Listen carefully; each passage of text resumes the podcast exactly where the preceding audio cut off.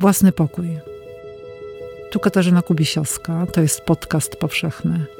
Zapraszam na cykl rozmów o tym, jak w kobiecie tworzy się i umacnia niezależność. Gościnią dzisiejszego odcinka jest Dorota Segda.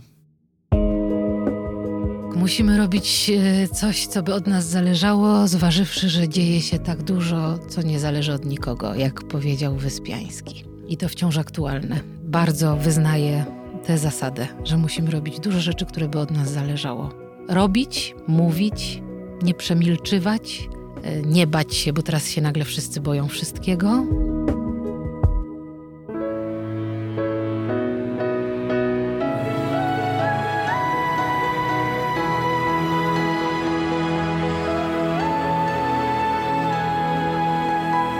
Podcast powszechny. Weź, słuchaj.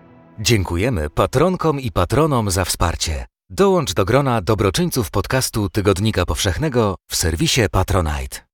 Dzień dobry z Krakowa, ze studia Tygodnika Powszechnego przy ulicy Dworskiej 1C. Katarzyna Kubisiowska. Dziś ze mną w studiu jest Dorota Segda. Dzień dobry Pani Doroto. Dzień dobry. Będziemy dziś rozmawiać o własnym pokoju. I taka myśl pierwsza, która mi przyszła do głowy, jest taka, że pani do szkoły teatralnej zdała, jak miała 18 lat. I właściwie podejmujemy decyzje kluczowe, wiążące na całe życie często, y, w momencie, kiedy jesteśmy jeszcze, no już nie dziećmi, ale młodymi dorosłymi. I y, ja jestem ciekawa, jaki, jak, jak, jak to było wejść po raz pierwszy do szkoły teatralnej. Pamięta pani ten moment, obraz, odczucia? No tak, oczywiście, to się pamięta. To, to, to drzemie w sercu, we krwi, w duszy. Bo nagle się spełniają wszystkie marzenia w jednej chwili. Mhm. Oczywiście potem różnie bywa, y, ale, ale w moim przypadku tak, spełniły się marzenia. I byłam dzieckiem, tak jak pani mówi ale z drugiej strony mm, byłam takim szczęśliwym dzieckiem, które zawsze wiedziało, co jest jego pasją. Mhm. I tego y, życzyłabym wszystkim młodym ludziom, którzy mają same piątki mhm. i się bardzo dużo uczą, a nie wiedzą, mm, nie, nie mają marzeń tak naprawdę. Y, nie wiedzą, co chcą w życiu robić. Dużo jest teraz takich młodych ludzi, naprawdę. Mhm. A ja mm, nie miałam samych piątek może. Zdarzało się, że chodziłam na wagary. Całe szczęście. Natomiast bardzo dużo zawsze czytałam, uwielbiałam niektóre przedmioty, uwielbiałam po prostu. I zawsze wiedziałam, że chcę być aktorką. Mm, a ten moment właśnie, w którym pani jednak pomyślała sobie, o będę aktorką, bo to jest też takie dziewczyńskie marzenie. Tak, będę aktorką. Tak, marzą y, chłopcy, żeby być strażakami, mm, prawda? Albo pilotami. Tak, a dziewczynki, żeby być aktorkami. I może pierwsze momenty były też takie, dlatego że ja pragnęłam być aktorką, kiedy zobaczyłam w pustyni i w puszczy. Mhm. Pani pamięta, bo to nasze pokolenie mhm. widziało to pierwsze w pustyni i w puszczy. Pani by tam idealnie pasowała do roli Nel, tak, blondynka. To, że ja nie zagrałam Nel, ja płakałam całymi nocami. Oczywiście nikt mnie nie zaprowadził na zdjęcia próbne, bo tak to się wtedy nazywało, ale ja bym była za młoda, bo ja dopiero byłam w wieku Nelly, jak już film się ukazał, więc... Mm. Natomiast ja wiedziałam, że to ja jestem Nel. Mm. Po prostu ja. Jak pani to mówi, to ja też widzę, że pani jest Tak. Nel. I ja naprawdę rozmawiałam w łazience ze słoniem. Mm.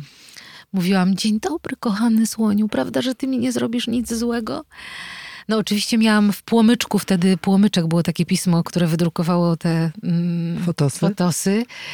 I ja to miałam wycięte i, i po prostu schowane gdzieś na głębi, w głębi, bo ja nie byłam taką osobą, która się zwierza rodzicom z wszystkiego. Więc to były moje tajemnice. Mhm. No ale wtedy wiedziałam.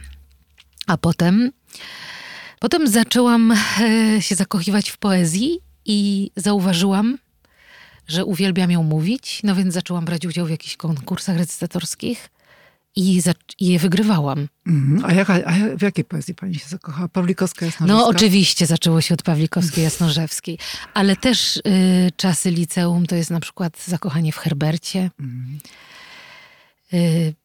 No, na, naprawdę mm, wtedy zaczęła się moja miłość do poezji. Przed chwileczką mówiłyśmy o dziadach. Mhm. No to ja chodziłam jeszcze na dziady z Trelą, a nie z Dominiką Bednarczyk.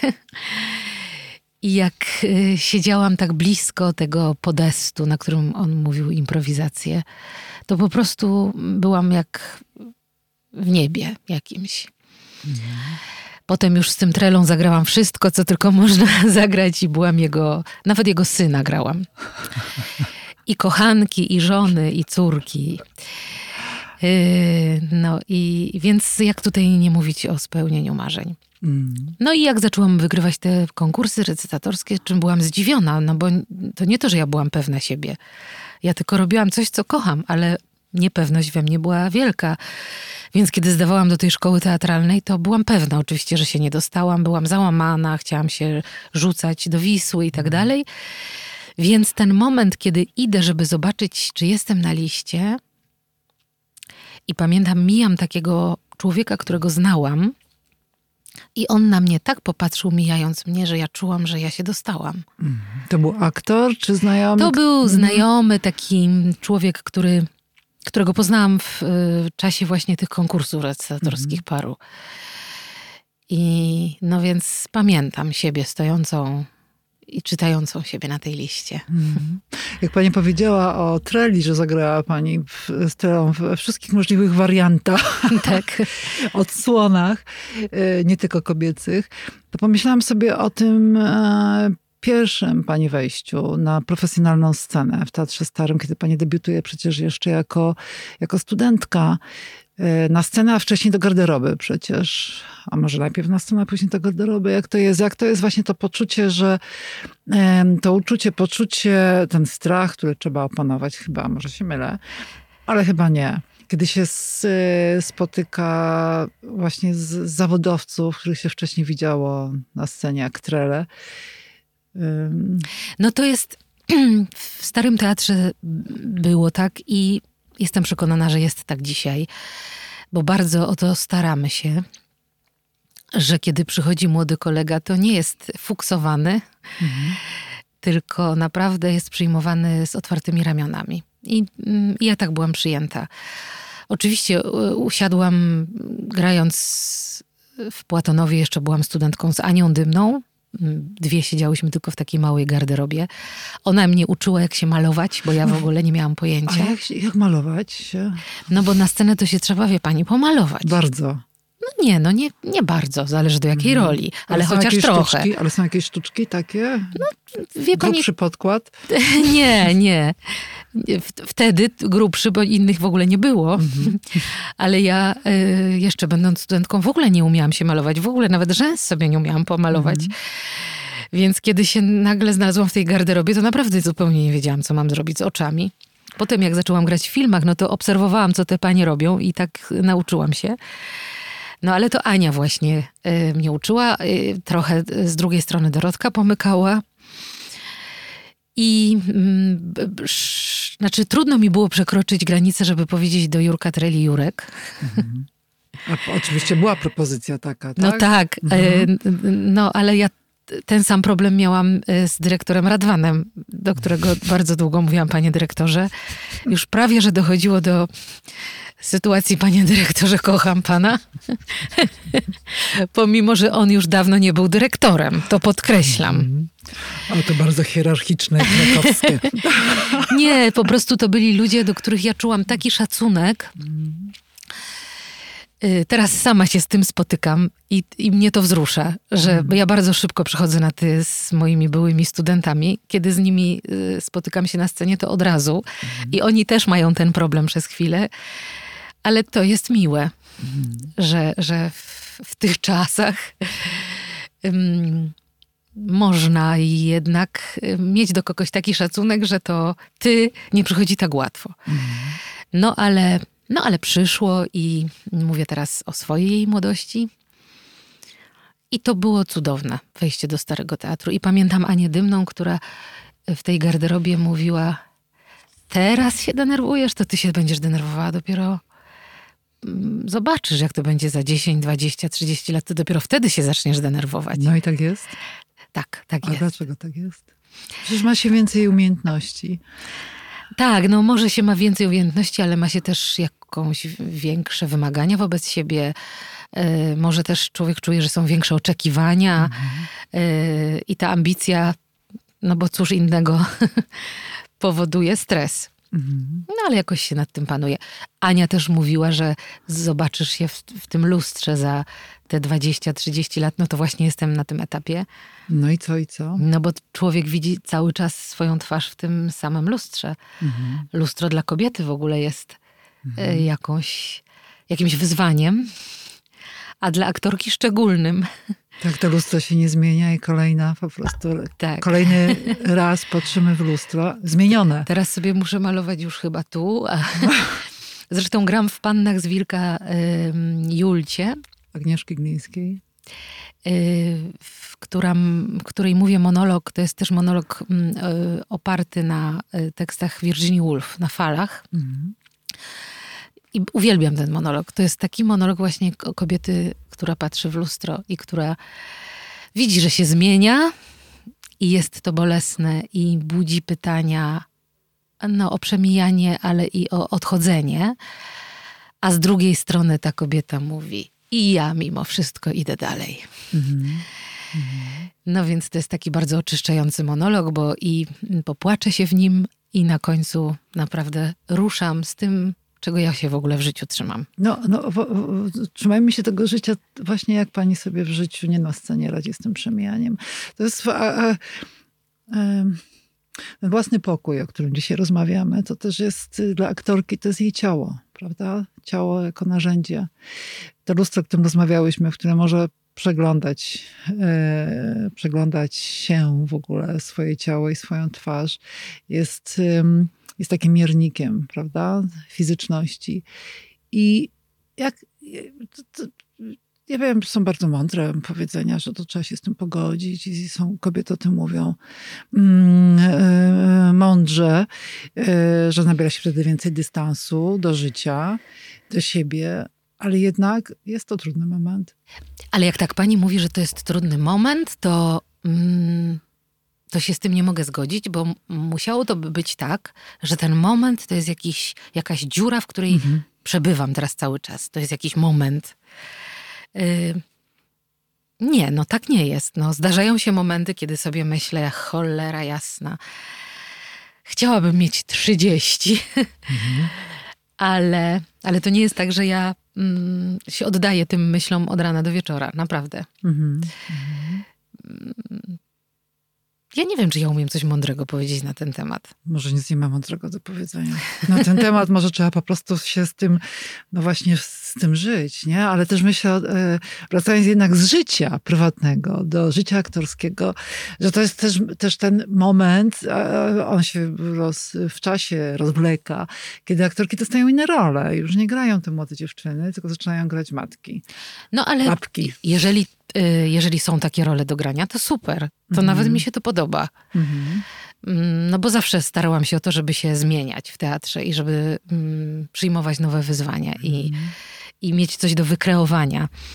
No więc mm, prawda jest taka, że teatr współczesny jest łaskawszy dla aktorek y, niż teatr jeszcze tam 30 lat temu nawet. Mhm. No bo teraz starsze kobiety to, to nie jest tak pisana literatura, że są amantki i jakaś jedna ciotka stara w, w u Moliera, prawda? Mhm. Jednak aktorki, które mają coś do powiedzenia, w, również w starszym wieku mhm. mają coś do powiedzenia na scenie. No więc trzeba się strasznie pilnować, żeby właśnie się zmieniać i, i mieć coś do powiedzenia, mhm. pomimo upływu czasu.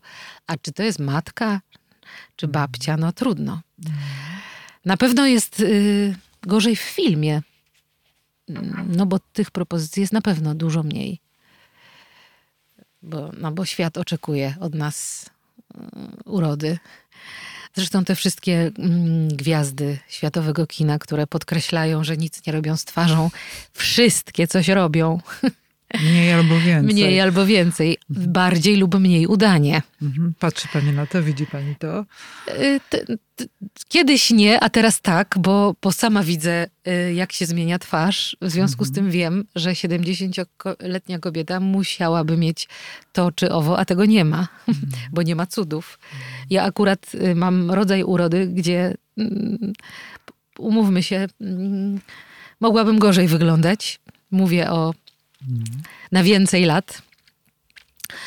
No ale, ale każdy z nas się zmienia. No więc oczywiście zaczynają się pytania, czy coś robić, czy nie robić. No na razie jestem na etapie pytań, okay. ale, ale już przestałam się zarzekać, że, mhm. że ja to nigdy, nigdy, nigdy. Mhm. No na pewno w przypadku aktorki to przemijanie mm, dostarcza chyba więcej pytań jeszcze. Mhm.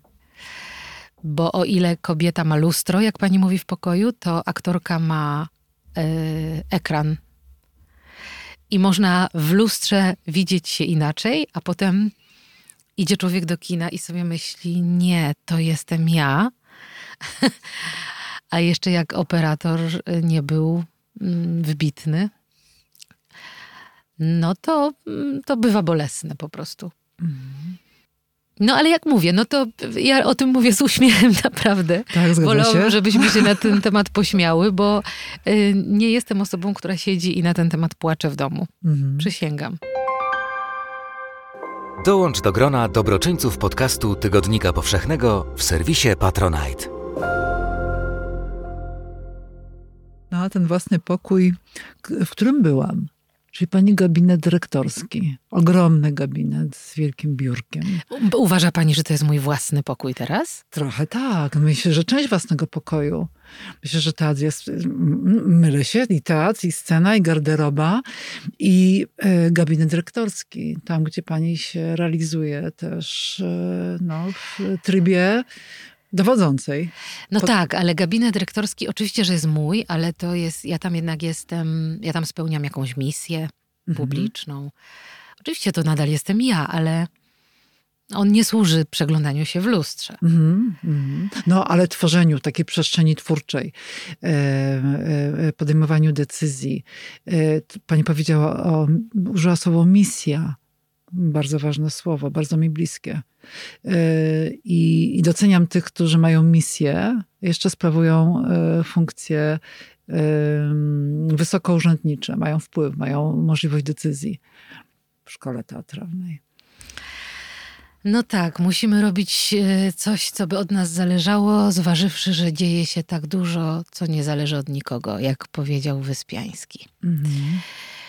Mm, I to wciąż aktualne. Bardzo wyznaję tę zasadę, że musimy robić dużo rzeczy, które by od nas zależało.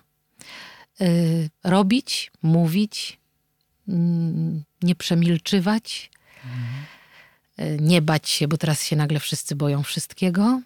Mhm. Działać. Działać. No tak, nie.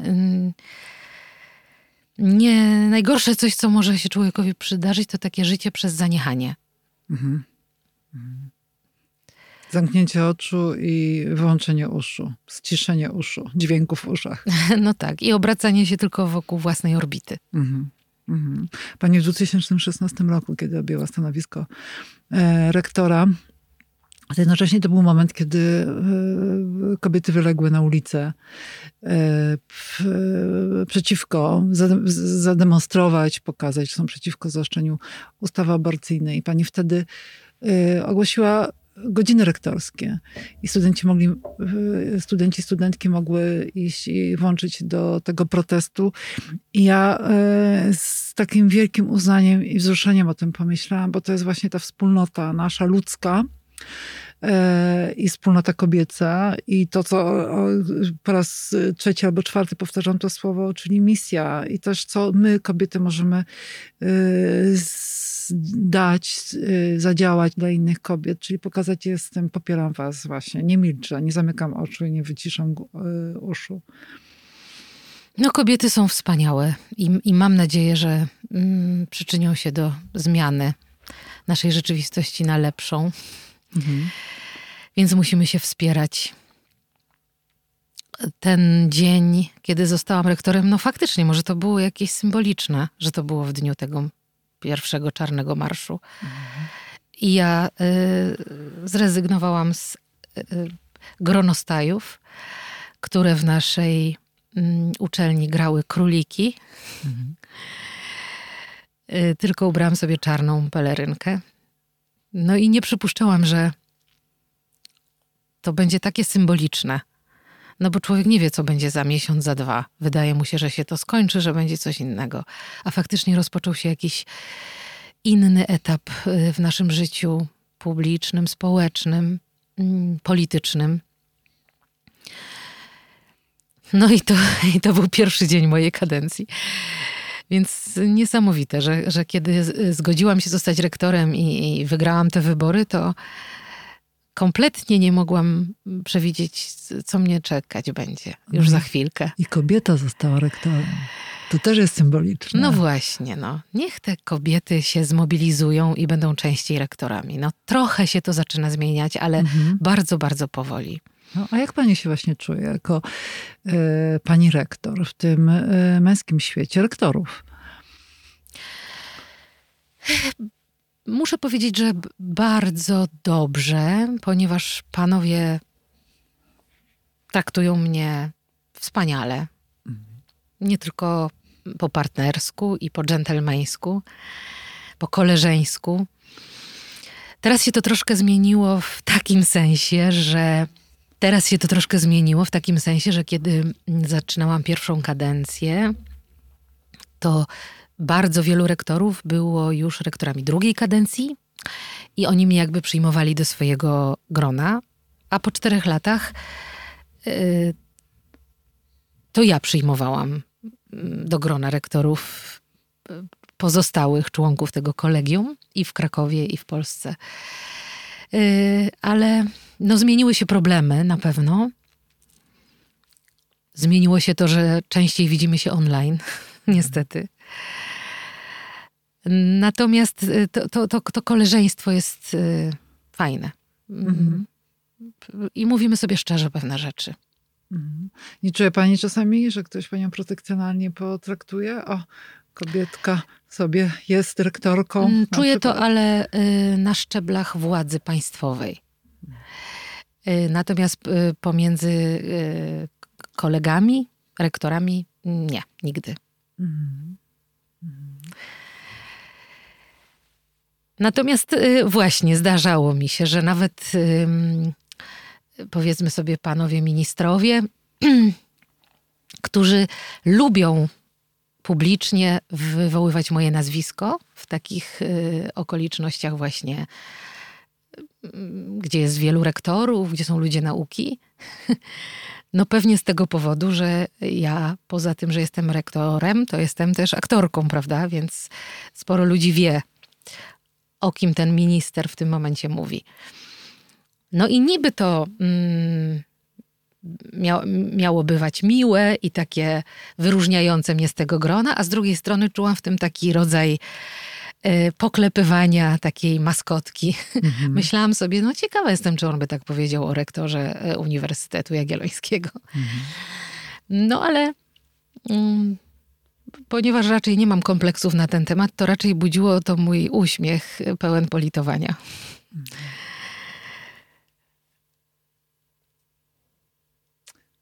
No, a ten y, pokój, własny pokój aktorski połączony z własnym pokojem y, prywatnym. Pani już wspomniała o panu dyrektorze Radwanie, który jest pani mężem. I chyba już przeszliście na ty. Jak to się łączy? To życie prywatne z życiem zawodowym. Pan Radwan, który też jest kompozytorem, który też był bardzo zajętym człowiekiem.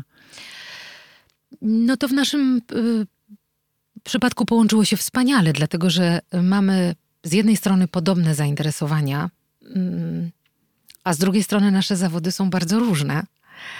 To znaczy, ja uwielbiałam z nim pracować w teatrze. Mm, mówię w czasie przeszłym, no bo teraz Staszek już właściwie wycofał się z y, pisania dla teatru. mm, no po prostu uwielbiałam, zresztą nie tylko ja, wszyscy zawsze uwielbiali z nim pracować. I to były bardzo szczęśliwe momenty. No ale on jako kompozytor i jako taki dobry duch wnosił y, coś takiego do przedstawienia, co jakby no, nie mogłam się kłócić z nim na ten temat na przykład w domu. Mhm. Trudno mi sobie wyobrazić mieć męża aktora. No, dlaczego, dlaczego? No nie wiem. Lubię moich kolegów, ale ale chyba nie, chyba jednak nie. Mhm. Znam też takie małżeństwa i to już jest jakiś koszmar, bo to oczywiście nie w każdym przypadku tak jest, które mm, po prostu zabija jakiś rodzaj rywalizacji. No to trudno tutaj rywalizować e, między aktorką a kompozytorem, prawda? Zwłaszcza, że ja e, nie śpiewam wybitnie, to znaczy śpiewam jakoś tam, ale nie na tyle, żeby na przykład e, nagrywać z nim płyty, albo na przykład mieć do niego pretensje, że obsadza inne koleżanki w musicalach. Więc y, te, Staszek zawsze był człowiekiem, który jak się zjawiał na próbie, to po prostu naprawdę wszystkim skrzydła rosły i zawsze y, ta jego muzyka w jakiś niesamowity sposób porządkowała rzeczy, które wydawały się y, tak rozwalone, że nie wiadomo było w jaką stronę iść. Zawsze wszyscy czekali na jego mm, opinię, na jego recenzję, na jakąś jego podpowiedź. No więc ja tutaj właściwie nie jak żona, tylko jak jedna z tych aktorek, które, które sobie cenią jego zdanie. Więc ta współpraca była zawsze wspaniała. No wspaniała. Poza tym mieć o czym porozmawiać z mężem w domu. Nie mówię, że zawsze o teatrze, mhm. ale o sztuce, literaturze. No chyba najważniejsze mieć jakieś wspólne zainteresowania, prawda? Mhm. Więc no więc w tym naszym pokoju. ja właściwie muszę pani powiedzieć, chyba nigdy w życiu nie miałam takiego pokoju, żeby to był mój pokój. Mhm. Bo pani powiedziała, że będziemy rozmawiały o wspólnym pokoju, znaczy o własnym pokoju. pokoju. Naprawdę nigdy, bo najpierw mieszkałam z siostrą, bo mieszkaliśmy w, w 50-metrowym mieszkaniu. No to to jest właśnie los perelowskich rodzin. Tak. Mhm. Więc jak byłam w tej szkole teatralnej, o której rozmawialiśmy, to miałam siostrę, która była jeszcze w podstawówce, może sobie pani wyobrazić, o, w tym małym pokoju. To, to był po prostu koszmar. Głównie się tłukłyśmy. Ponieważ do mnie dużo przychodziło gości, no to ona do dziś opowiada, jak y, po prostu z okiem, y, żeby coś zobaczyć pod drzwiami, bo ją wywalałam. Więc trzeba było się bardzo e, godzić i dzielić. Potem przez chwilkę miałam swoją garsonierę, pierwsze moje mieszkanie. No to może to był mój pokój, bo to było moje mhm. pierwsze mieszkanie. Ale potem miałam zawsze takie mieszkania jakby otwarte. Mhm. Więc nawet dzisiaj nie mam czegoś w moim mieszkaniu, które bardzo lubię, co by było takim moim pokojem, moją wydzieloną przestrzenią. Kącikiem, ale kącik jest, prawda? Jakieś biureczko na biurku. No właśnie niekoniecznie. A. Znaczy mamy takie, takie, mm, takie, taki bardzo uroczy pokoik, który się nazywał, że to będzie pracownia mojego męża. Ale ponieważ nastał czas online, mhm. no to się nagle okazało, że to bardziej jest mój. Aha. Ale mimo wszystko tam jest więcej jego rzeczy. To jest jego biurko, jego miliony książek, a ja tylko z laptopem tam się zagnieżdżam. Gości. gości. tak. Więc ten swój pokój to raczej mm, chyba buduje w, w środku. Wewnątrz. Tak, to bardzo wyraźnie wyszło. W czasie naszej rozmowy chyba większość kobiet które tworzą ten własny pokój, noszą e, w sobie swojej świadomości, swojej decyzyjności w tym, co tworzą. Natomiast na koniec chciałabym e, postawić takie pytanie, które każdej z moich rozmówczyń stawiam, czyli kiedy pani się czuje najbardziej wolną kobietą? Ja się w ogóle czuję wolną kobietą. Czyli znowu nie mogę powiedzieć, że mm, pewnego dnia jestem bardziej zniewolona, a drugiego bardziej wolna. No bo i w życiu osobistym mm, podejmuję zawsze własne wybory i własne decyzje. Mm, I w życiu zawodowym, w sensie jako aktorka, jeżeli nie chcę czegoś grać, to mówię nie chcę. Mhm. nie wyobrażam sobie, że ktoś mógłby mnie przymusić. Może jakaś sytuacja materialna, której na szczęście nie mam tak złej, żeby, żeby musieć grać wszystko. Mm, jako, jako rektor mm, też zawsze mówię, co myślę. No może czasami się lekko ugryzę w język. Nie, czuję się wolną kobietą. A kiedy najbardziej? Nie wiem, chyba pły kiedy pływam w morzu. I, yy, i patrzę w niebo. Serio, bo to też kocham. Czyli wtedy się czuję o tyle wolniejsza jeszcze, że może przez moment jestem uwolniona od obowiązków.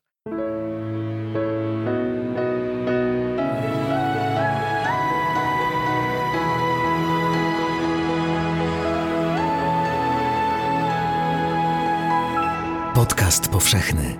Weź, słuchaj.